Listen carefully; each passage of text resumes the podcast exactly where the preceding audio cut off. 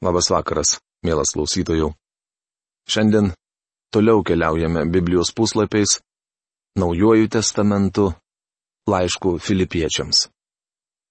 Prieš pradėdamas šios dienos rašto studijas, norėčiau, kaip jau esame pratę, kreiptis į Dievą, prašydamas pagalbos.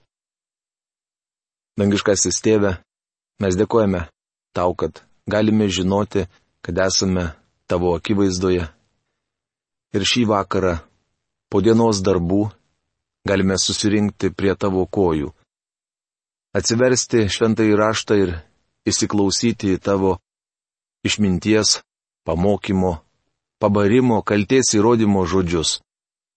Dėkojame tau už apaštulą Paulių, kuris buvo vedamas tavo šventosios dvasios ir užrašė mums šios nuostabius amžinojo gyvenimo žodžius, kurie gali padėti mums išgirsti tavo reikalavimą pražuvusiam žmogui. Aš meldžiu dangaus Dievę už kiekvieną klausytoją, kuris klausysis žodžio aiškinimo, kad tu dirbtum mūsų širdise ir mes tau netrukdytume, kad tavo žodis galėtų padaryti tai, kam yra siūstas. To meldžiu Jėzaus Kristaus vardu. Amen. Taigi, praėjusioje laidoje mes nagrinėjome pirmąjį filipiečiams laiško skyrių ir nuo trečios eilutės pradėjome pastraipą Pauliaus jausmai filipiečiams. Dabar aš jums perskaitysiu mūsų jau išnagrinėtas eilutes priminimui ir pratesime apžvalgą. Aš dėkoju savo Dievui, kai tik jūs prisimenu visuomet, kiekvienoje maldoje su džiaugsmu už jūs visus besimelsdamas, už jūsų bendradarbiavimą Evangelijos labui nuo pirmosios dienos iki šiandien. Esu tikras, kad tas, kuris jumise pradėjo šį gerą darbą, jį ir užbaigs iki Kristaus Jėzaus dienos. Šitaip manyti apie jūs visus teisinga, nes aš turiu savo širdyje jūs, kurie tiek man esant kalėjime, tiek ginant ir stiprinant Evangeliją, visi tebesate man duotos malonės dalininkai. Rašoma Filipiečiams laiško pirmos kiriaus trečioje, septintoje eilutėse. Dievas gali paliudyti, kaip jūsų visų pasilgau Kristaus Jėzaus nuoširdumu. Filipiečiams laiško pirmos skyriaus aštunta eilutė. Kaip aš jūsų visų pasiilgau. Tai nuostabų žodžiai. Paulius sako, jog ilgisi visų jų Kristuje Jėzuje. Ne todėl, kad kažką iš jų gavo. Tai ne proto, o emocinė reakcija. Ir dabar meldžiu, kad jūsų meilė vis auktų ir auktų pažinimu ir visokiojopų išmanimu. Filipiečiams laiško pirmos skyriaus devinta eilutė. Kartais žmonės žodį meilė supranta labai vienareikšmiškai. Aš dažnai gaunu maždaug tokio turinio laiškų. Jūs mane labai nustebinote, pareiškęs, kad kai kurie pamokslininkai skleidžia šlykščias erezijas. Argi Jėzus nesako savo šventame žodyje, kad mes turime mylėti savo priešus ir daryti gerą tiems, kurie mūsų nekenčia? Žinoma, tai jo žodžiai. Tačiau turime atkreipti dėmesį, kam jis juos taikė. Viešpats Jėzus labai šiurkščiai atsiliepė apie ano meto religinius vadovus. Jis kalbėjo. Jūsų tėvas velnes ir jūs pasišovė tenkinti jo užgaidas. Tai prašoma Jono Evangelijos 8 skyriaus 44 eilutėje. Dar jis sakė, gyvatis, angių išperos, kaip jūs ištrūksite nuo pasmerkimo į pragarą, rašoma Mato Evangelijos 23 skyriaus 33 eilutėje. Jėzus sakė, jog religinių vadovų tėvas velnes, o motina angis. Nežinau, kas gali būti širkščiau.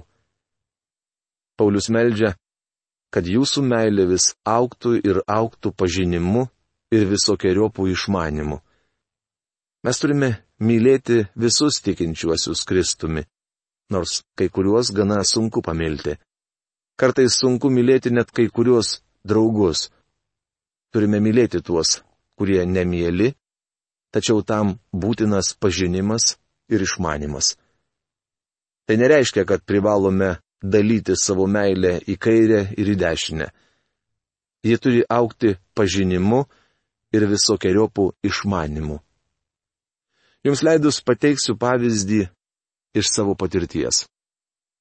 Kai baigiau seminariją, atvykau į Los Andželo centre įsikūrusią bažnyčią tarnauti pastoriumi. Greitai pastebėjau, kad tame rajone slankioja tam tikros žmonių grupės, medžiodamos bažnyčių lankytojus ir naujus pamokslininkus. Sekmadienio rytą, kai beveik visi susirinkusieji jau buvo išsiskirstę, prie manęs priejas personalo darbuotojas pasakė. Vienas vyras po kvietimo išėjęs į priekį atgailauti, norėtų su jumis pasikalbėti apie išgelbėjimą. Jaučiausi pamalonintas tas vyras nenori kalbėti su nieko kitu, tik su manimi. Taigi pradėjau dėstyti tam žmogui išgelbėjimo planą. Atrodė, kad jis nepaprastai domėjosi tuo, ką sakau. Paėmęs iš manęs Bibliją perskaitydavo kiekvieną pacituotą eilutę. Tas vyras puikiai vaidino savo vaidmenį. Galiausiai paklausiau, ar jis nenorėtų priimti Kristaus. Mano pašnekovo akis sudrėko ir skruostai sėmė rėdėti ašaros. Jis atsakė, jog norėtų. Mes atsiklaupėme ir pasimeldėme. Kai atsistojame, aš padariau didelę klaidą. Paklausiau, kaip jam sekasi. Vyrukas atsakė, man nesinori jums to sakyti, bet viešbutyje liko mano lagaminas. Administracija nenori jo gražinti, nes esu skolingas septynis dolerius. Ką jūs būtumėte mano vietoje daręs? Buvau krikščionis ir dar pamokslininkas, todėl privalėjau mylėti savo brolį, bet to maniau, kad ką tik atvedžiau žmogų pas Kristų. Taigi aš daviau tam vyrui septynis dolerius ir jaučiausi labai kilnedvasiškai. Grįžęs namo, Visą šią istoriją papasakojau savo žmonai. Maždaug po šešių savaičių varčiau vieną dienraštį ir pamačiau to vyro nuotrauką. Perskaitęs straipsnį sužinojau, kad jis buvo suimtas už tai, jog pusę metų apgaudinėjo Los Andželo pamokslininkus. Jis sakė, kad pamokslininkai yra didžiausi lengvatikiai pasaulyje. Taigi, aš buvau vienas iš jų. Paskambinau daktarui Bobui Šuleriui, kuris tuo metu tarnavo Los Andželo centre įsikūrusioje metodistų trejybės bažnyčioje ir paklausiau, ar tas vyrukas buvo atėjęs pas juos. Išgirdęs teigiamą atsakymą, paklausiau, ar jis davė jam septynis dolerius. Bobo Šuleris atsakė, kad nedavė. Tiesa, jis prašė, bet matai, Vernonai, Aš jau ne pirmus metus tarnauju Los Andželė. Pagyvenęs čia kurį laiką suprasi, jog kai kurių žmonių negali mylėti, paaiškino jis. Paulius sako, leisti meiliai aukti pažinimu ir išvalgumu. Daugelį metų važiuodamas skelbti Dievo žodžio, sakydavau viešpačiui, šiandien sutiksiu naujų nepažįstamų žmonių. Kai kuriems iš jų galėsiu padėti. Kiti stengsis įvaryti man į nugarą peilį. Viešpatie, padėk man atskirti, kas yra kas. Parodyk, kam turėčiau padėti. Iš tikrųjų, skaityta laiško filipiečiams eilutė moko krikščionį nebūti naiviu lengvatikiu. Taigi apaštalas Paulius rašo, kad meilė turi aukti pažinimu ir išvalgumu kad jūs mokėtumėte pasirinkti, kas vertingiau, kad būtumėte tyri ir be priekaišto Kristaus dieną. Filipiečiams laiško pirmos skyriaus dešimtą eilutę. Tai dar viena svarbi šio laiško eilutė, kurią norėčiau paaiškinti. Sakydamas, kad jūs mokėtumėte pasirinkti, kas vertingiau, Paulius turėjo omenyje tai, jog mums reikia išbandyti skirtingus kelius. Manau, tai susijęs su viešpaties valia jūsų gyvenime. Kartais tenka pasirinkti vieną kelią iš dviejų, trijų ar net keturių. Deja, dažnai nežinome, kur pasukti. Viešpats neatsiūs angelo, kad jis pasakytų. Taip pat neuždegs žalios ar raudonos šviesoforo šviesos. Jis nori, kad vadovautumės savo pašventintą nuovoką. Taigi turime išbandyti skirtingus kelius. Vienas vyras pasakojo man apie savo verslą. Jam buvo atsivėrusios dvi galimybės, tad jis klausė Dievo maldoje, kurią iš jų pasirinkti. Žmogus pamėgino pasinaudoti pirmąją galimybę, bet nesėkmingai. Supratęs, jog iš to nieko nebus, jis sugrįžo prie kryškelės ir pabandė eiti antruoju keliu. Pirmasis kelias atkrito, tad liko vienas vienintelis. Pasukau juo ir šį kartą neprašoviau. Taip aš sužinojau viešpaties valią, paaiškino jis. Taigi Dievas sako, kad mums reikia išbandyti skirtingus kelius. Kad būtume tyri. Įdomu, kad angliškoje karaliaus Jokūbo Biblijos versijoje čia pavartotas žodis sincere. Šis kilęs iš lotynų kalbos žodžio sincerus, kuris reiškia bevaško. Kai Romos imperija tapo pačia galingiausia pasaulio valstybė, romėnai suniokojo didelę dalį vertingų graikų kultūros paminklų. Tai liudyja iki šiol mažojoje Azijoje stūksantys griuvėsiai. Kai lankiausi tame krašte, buvo labai įdomu apžiūrėti kelių šventyklų liekanas. Didžiausią įspūdį padarė Diano šventyklos architektūra. Galų gale romėnai, supratę graikų meno dirbinių vertę, ėmė juos rinkti. Kaip jau minėjau, daugybė tų metų kūrinių buvo sudaužyta. Radę įskilusią statulą ar vazą, nesažiningi priekybininkai užtepdavo įtrukimus vašku, kad nepastebėtų pirkėjai. Nieko neįtariantis žmogus nusipirkdavo tokį meno kūrinį ir pasistatydavo savo vilos sode. Karštą vidudienį jis išeidavo į sodą ir, pamatęs iš įtrukimų varbantį vašką, baisiai nustebdavo. Tačiau taip elgdavosi ne visi prekybininkai. Sažiningi meno dirbinių pardavėjai prie savo siūlomų prekių ėmė rašyti sincerus. Tai reiškia be vaško. Kitaip tariant, jie garantavo, jog daiktas vientisas be įtrūkimų. Paulius sako filipiečiams, nebūkite apsimetėliai, būkite tikri, nuoširdus. Taigi netapšnokite kiekvienam per petį aiškindami, kaip juos mylite ir sakydami, garbė viešpačiu aleliuja. Dažniausiai taip darantys žmonės įvaro peilį į savo pašnekovo nugarą, vos tik šis nusisuka. Štai apie ką kalba Paulius. Būkite nuoširdus. Be priekaišto reiškia nekalti. Šį žodį iš tiesų geriau būtų versti nekalti, nes priekaištų susilauks kiekvienas, kuris krikščioniškai gyvena ir skelbia Dievo žodį. Prisiminkite, kad žmonės piktinosi Pauliumi ir jo skelbiama žinia.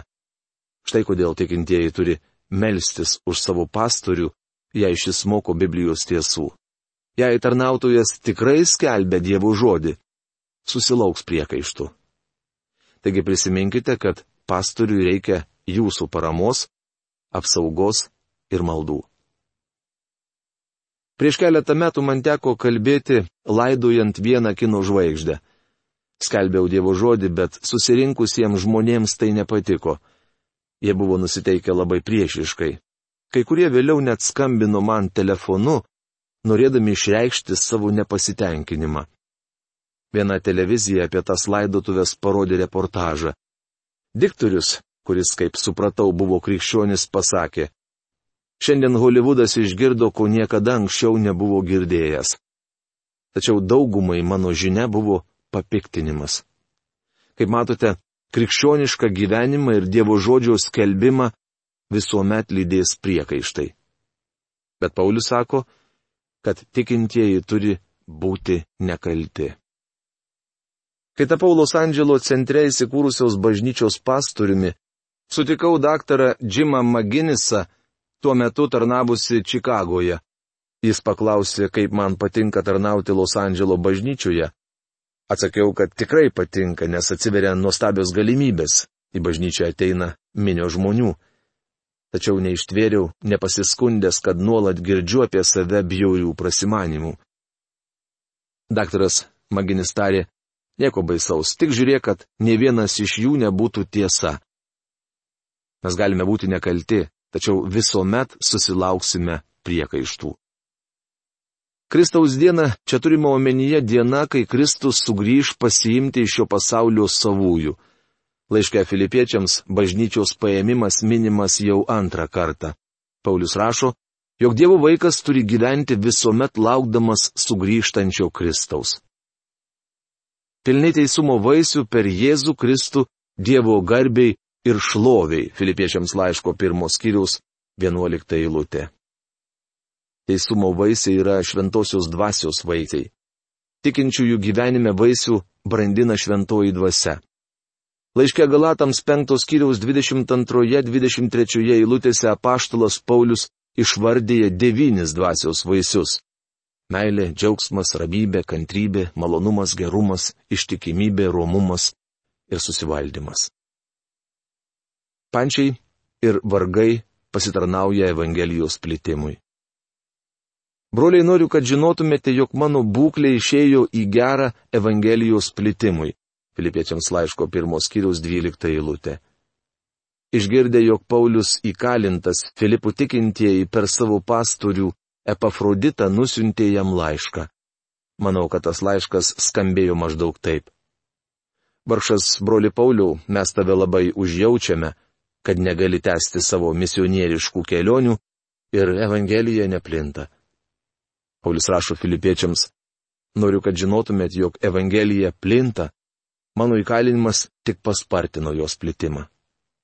Toliau paštalas paaiškina, ką norėjo tuo pasakyti. Mat mano kalinimas dėl Kristaus išgarsėjo visame pretorijoje ir tarp kitų žmonių. Filipiečiams laiško pirmos skyriaus 13 eilutė. Pretorijus yra Ciesoriaus rūmai. Apaštalų darbų knygos 28 skyriaus 16 eilutėje rašoma. Kai atvykome į Romą, Pauliui buvo leista apsigyventi vienam su serginčiu jį kareiviu. Paulius buvo surakintas su pretorijaus sargybiniu.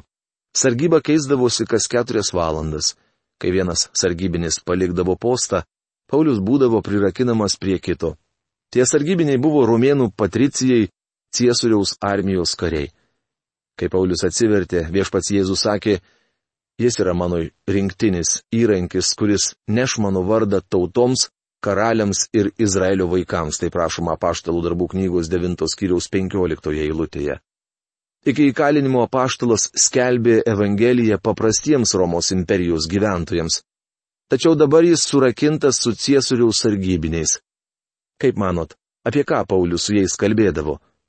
Manau, kad kai kurie iš jų nekantraudami laukdavo savo pamainos, o bendraudami tarpusavyje prisipažindavo, jog tas vyras bando padaryti juos krikščionimis. Daugelis iš tų sargybinių pažino Kristų ir taip Evangelija prasismelkė į Ciesoriaus rūmus. Vėliau Tertulianas rašė, jog Romos valdytojas sunerimo sužinojęs, kad aukšti pareigūnai priėmė krikščionybę. Daugelis iš šių vyrų už tikėjimą viešpačiu Jėzumi Kristumi paguldė galvas. Tai pirmasis Pauliaus paminėtas įrodymas, jog jo įkalinimas nesustabdė Evangelijos plitimo, bet padėjo jai prasiskverbti į Ciesoriaus rūmus. Bet tai dar ne viskas. Pauliaus įkalinimas pasitarnavo ne tik tuo.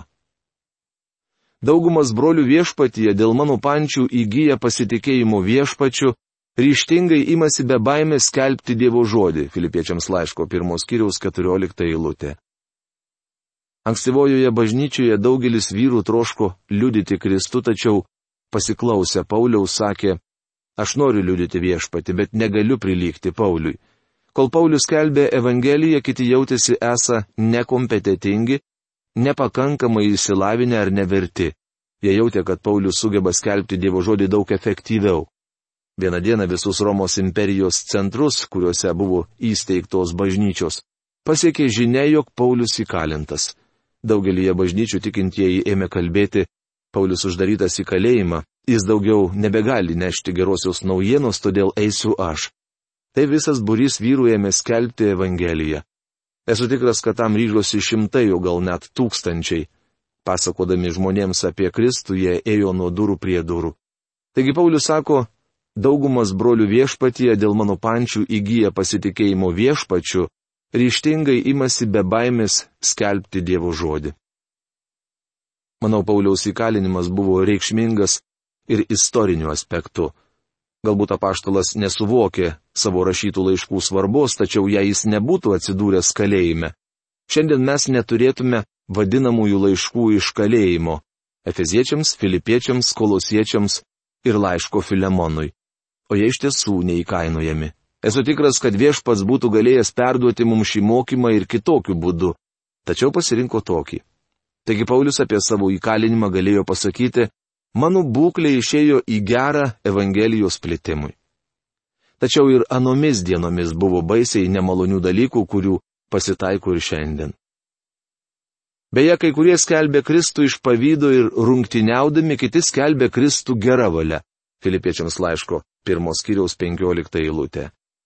Kai tik pradėjau studijuoti Bibliją, negalėjau patikėti, kad Kristaus Evangelija gali būti skelbiama iš pavydo ar rungtiniaujant.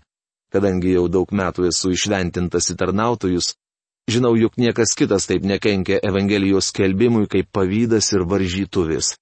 Šiame laiške Paulius kelisik pamini pavydą ir nesantaiką. Tikriausiai gana daug žmonių skelbė Evangeliją pavydėdami apaštului Pauliui, nes patys negalėjo pasiekti tokių rezultatų. Jei kiekvienas krikščionis suprastų turys dovaną, pavydo būtų galima išvengti. Ne visų mūsų dovanos vienodos, nes antraip kūnas negalėtų funkcionuoti. Bėda ta, kad žmogus turintis vieną dovaną pavydė tam, kuris turi kitą. Jūs prisimenate, kad Paulius sakė korintiečiams, jog kiekviena dovana turi būti naudojama su meile. Bičiuli, jei tai darysite, kitam nepavydėsite. Meilė nepavydi, meilė nesididžiuoja ir neišpuiksta, tai prašoma. Pirmame laiške korintiečiams, 13 skyriuje, ketvirtoje eilutėje. Pavydas sako, aš tavęs nevertinu. O puikybė klausia, ką manai apie mane? Tai svarbiausias jų skirtumas. Tikintysis įspėjamas saugotis tiek vieno, tiek kito. Pirmame laiške korintiečiams ketvirtos skyriaus septintoje eilutėje Paulius tiesiai šviesiai klausė, kasgi tave išskiria iš kitų. Ir kągi turi, ko nebūtum gavęs. O jei esi gavęs, tai ko giriesi, lyg nebūtum gavęs. Skaitytoje laiško filipiečiams eilutėje vartojamas įdomus žodis rungtyniavimas. Tiesioginė originale pavartoto graikiško žodžio eris reikšmė yra kurstyti. Šis žodis siejamas su demonais bei piktosiomis dvasiomis, kurstančiomis nesantaiką. Akivaizdu, kad šiandien bažnyčią labiausiai greuna pavydas ir nesantaika. Alkoholizmas ir narkomanija klestintis už bažnyčios ribų negali pakengti jai taip, kaip kenkia tikinčiųjų pavydas ir nesantaika. Tačiau mes turime atkreipti dėmesį, jog buvo ir tokių, kurie skelbė Kristų iš geros valios. Bet apie tai, mielas klausytojau, mes su jumis kalbėsime jau kitoje mūsų laidoje. O šiandien viskas. Iki kito sustikimo. Sudie.